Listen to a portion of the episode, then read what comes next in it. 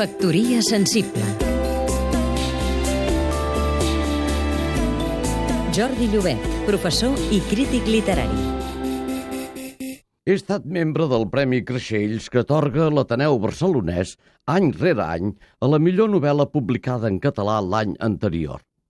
La veritat és que d'entre la quarantena d'obres que optaven al premi per indicació dels editors corresponents, només dues o tres presentaven una llengua literària correcta.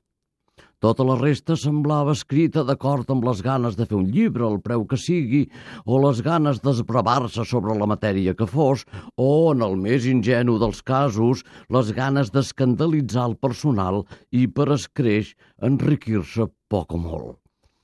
No s'acaba d'entendre que Catalunya generi tants novel·listes i poetes ni que atorgui tal quantitat de premis, tants que deu ser una vergonya per a un escriptor o una marca insòlita i distingida no haver-ne rebut mai cap.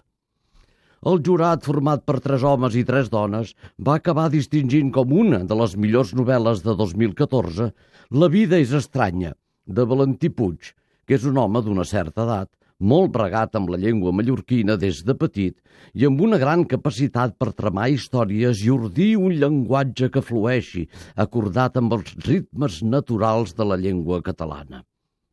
I ara resulta que Valentí Puig ha renunciat a rebre el premi en el cas que finalment li hagués estat atorgat pel jurat popular que ho determina en última instància. Home, Valentí, els lectors catalans haurien hagut de poder-se adonar que, per una vegada, un bon escriptor ha rebut un premi que honora tot.